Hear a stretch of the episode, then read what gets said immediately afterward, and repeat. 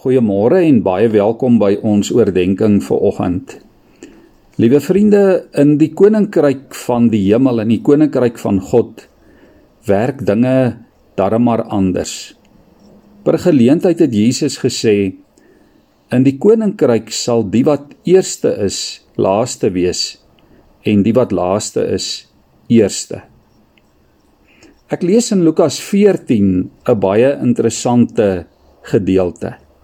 Daarvan af vers 7 tot 11 sê Jesus: As iemand jou na 'n bruilof toe uitnooi, moet jy nie sommer op die voorste plek gaan sit nie. Want dit kan wees dat die gasheer iemand uitgenooi het wat belangriker is as jy. En dan sal hy wat julle albei uitgenooi het na jou toe kom en vir jou sê: "Gee bietjie die plek af vir hierdie man." Jy sal dan tot jou skande die agterste plek moet gaan inneem. Elkeen wat hoogmoedig is, sal verneder word en elkeen wat nederig is, sal verhoog word. Die beginsel van nederigheid is 'n belangrike beginsel in die koninkryk van God. Ons sien die karaktereienskap van nederigheid ook by Jesus. As ons koninkryksgerig in 'n wêreld wil lewe wat glo in die oorlewing van die sterkste, dan moet ons nederigheid aanleer. Die vraag is of ons enigsins anders is in die kerk.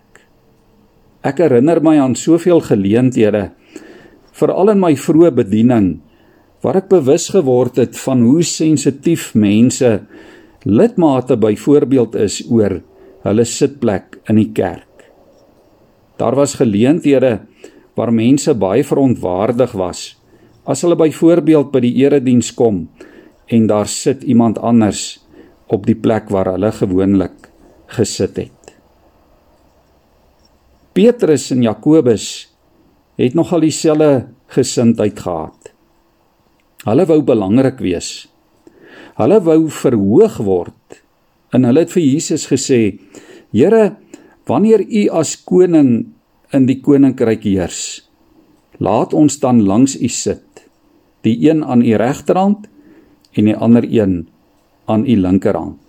Ons lees dit in Markus 10 vers 37. Liewe vriende, so maklik vergelyk ons onsself met ander. So maklik voel ons minderwaardig So maklik voel ons dat iemand anders dalk ons ruimte of ons spasie inneem en dan voel ons maklik bedreig. Maar dis duidelike teken van die verkeerde gesindheid waarna Jesus verwys. Sodra ons onsself met ander vergelyk of sodra ons bedreig voel deur ander, dan behoort daar rooi waarskuwingsligte vir ons te flikker. Dalk is een probleem dat ons mekaar nie hoog genoeg ag nie. Dat ons vir mekaar nie ruimte gee nie. Dat ons nie vir mekaar plek wil maak nie. Ons is so geneig dikwels om te kritiseer eerder as om eer aan ander te gee. En dit veroorsaak dat die ander kwesbaar voel en vir aanvaarding soek.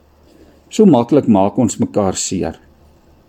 Die vraag is waarvan kry ons aanvaarding? Mense sal die een of ander tyd vir jou teleurstel. Maar as ons die Here Jesus toelaat om ons bron van bemoediging te wees, as ons bron van aanvaarding die Here is, as ons hom met ons diepste behoeftes vertrou, dan sal hy ons nooit in die steek laat nie. Hy sal jou nooit met iemand anders vergelyk nie omdat hy jou volgens 'n unieke patroon vir 'n unieke doel geskep het.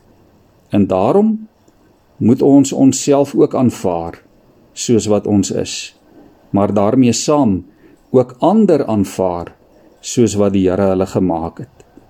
Waarom moet ons dan probeer om beter te wees as ander? Ons moet net wees wie die Here ons gemaak het wie hy ons geskep het om te wees en mekaar aanmoedig om dieselfde te doen. Kom ons buig ons hoofde so in gebed voor die Here. Liefdevolle Here, vergewe ons asseblief. Here vir daardie kere wat ons onsself verhoog het. Help ons om meer aan te moedig en minder te kritiseer. Amen.